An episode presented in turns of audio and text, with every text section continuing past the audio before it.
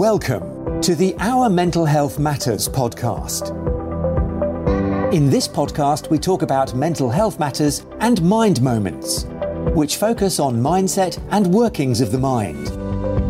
Introducing your host, Dr. Lade Abua, Specialist Registrar in Child and Adolescent Psychiatry, a medical doctor with a passion for mental health matters and children. Everyone, it's Lida here. Welcome to our Mental Health Matters. I will be talking about stigma in mental health briefly. Um, I think this is something we all need to talk about, to discuss, to find ways around, to sit on tables and uh, try to make policies that would help to tackle stigma in mental health. So I'll just briefly talk about what stigma is and um, the uh, certain features that can be seen in stigma. So what is stigma? Stigma is um, occurs when somebody views another in a negative way because they have a distinguishing character, personality traits, or diagnosis that is thought, you know, to be an advantage. And that stigma, that negative view, that negative attitude, that negative portrayal, it comes because there are negative attitudes and beliefs towards people that have that distinguishing character or personality trait or diagnosis. And this often leads to discrimination. And the discrimination could be obvious, it could be, you know, direct, quite um, uh, visible to people around or the sufferer and um, it could you know it could involve uh, that person making a negative remark or um, treating them in, in in a certain way because of uh, that um, so-called negative attribute that that individual has. Or it could be subtle you know or intentional where they generally avoid um, that individual because they believe uh, that that individual is violent or is unstable, or maybe uh, the, the view that person as a threat to them and to just generally avoid that person. So it could come in either way, direct or indirect. And with stigma in mental health, there's uh, like two distinct types uh, that can be seen, and that's usually social stigma and the second is perceived stigma or self stigma by the sufferer or the, the person, the individual. Um, what happens in social stigma is usually uh, when there's that prejudicial attitude and discriminating behavior towards that person that has a mental health difficulty because of the mental health label they've had or mental health diagnosis or mental health difficulty that has been identified and in, you know, on the other side is is where we have uh, the the what the individual themselves have internalized, you know, as uh, as a result of their perception or their discrimination or the, of their or their of you know of their perception of the discrimination that has been meted out to them by other people or the society, and this is you know what usually affects uh, the individuals and the sufferers. It, it, brings a lot of shame. It brings uh, a lot of, um, um, you know, reduced self confidence, a lot of reduced self esteem because of that perception of the discrimination they have seen or they have suffered or they have seen towards other people that have that mental health. And this generally leads to poorer out, you know, poorer treatment out treatment or not seeking treatment or poorer treatment outcomes.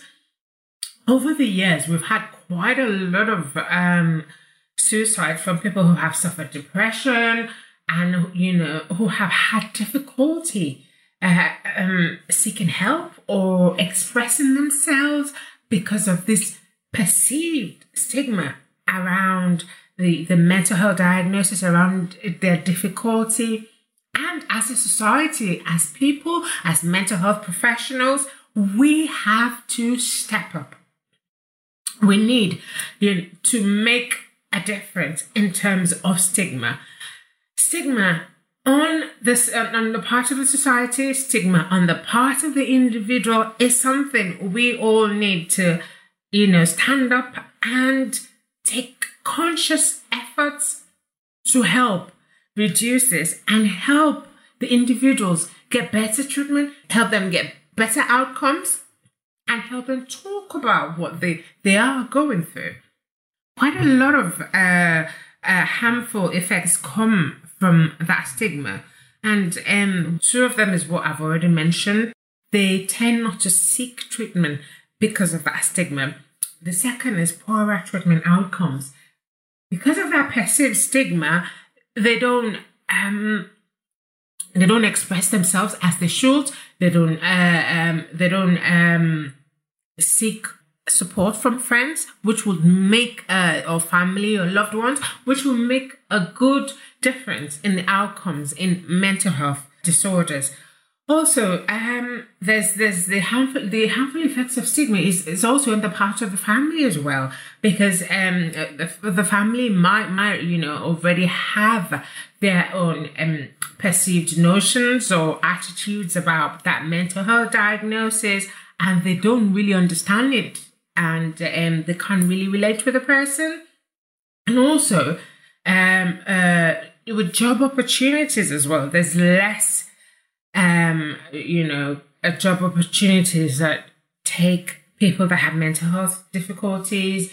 There's the, the, the belief, you know, that they're less than they should be, that they're less than normal. And if we recall the two series I have done, I've done the, the series on um, ADHD, which is attention deficit hyperactivity disorder. I've done uh, one on autism spectrum disorder as well. And if you note, both authors, they've used the word normal. So as a society, we've stereotyped, we've labeled things as normal.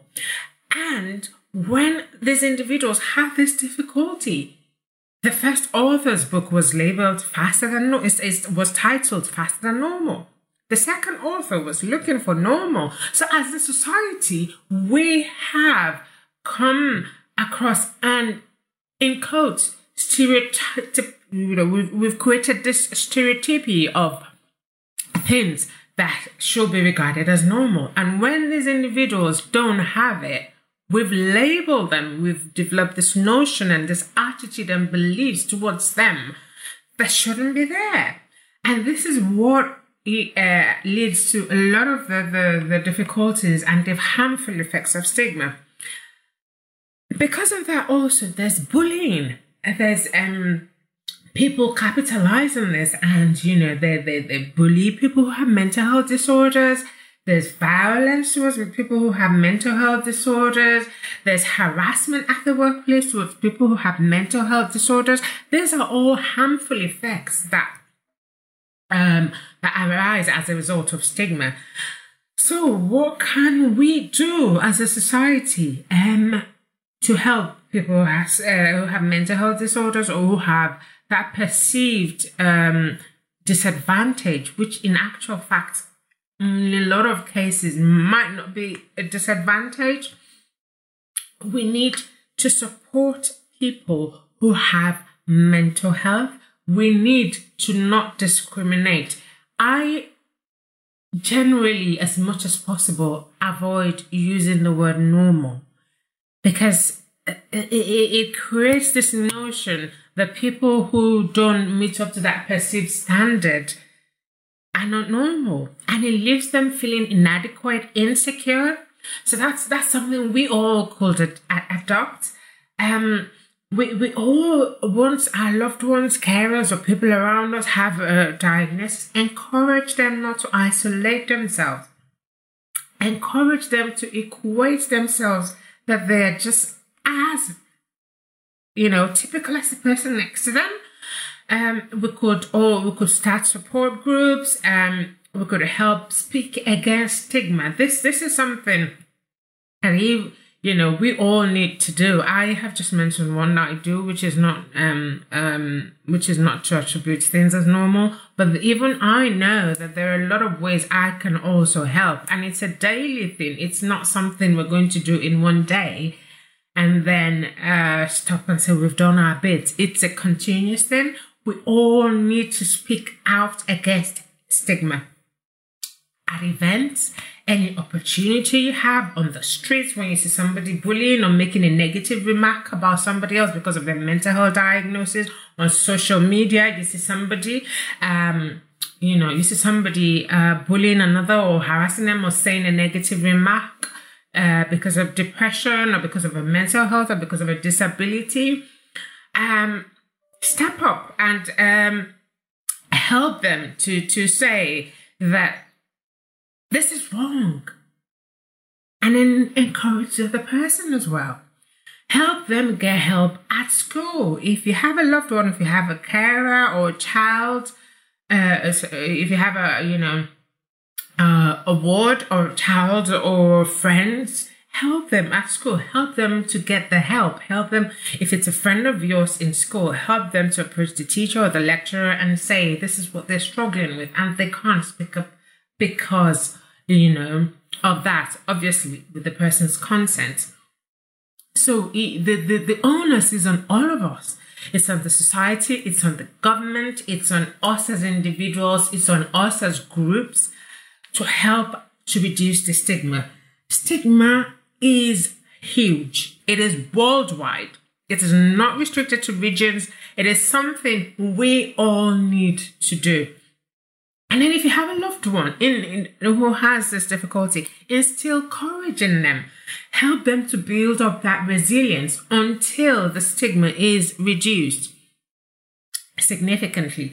Help them to develop strategies in in or ways in which you know they can tackle any negative remark or any negative uh, attitude towards them at work or or you know or maybe on the streets or in groups help them to build that resilience, help to instill courage in them.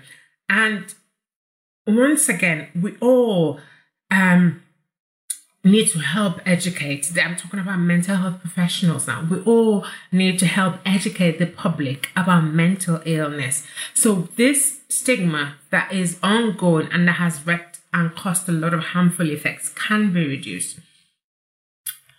So, how, in general, I hope I've been able to say a bit about stigma. I am, I'm hoping that we all as individuals can step up and help people, um, help loved ones, help shape policies, and help advocate uh, for support for people with mental health, uh, you know, mental health disorders and mental health illnesses globally.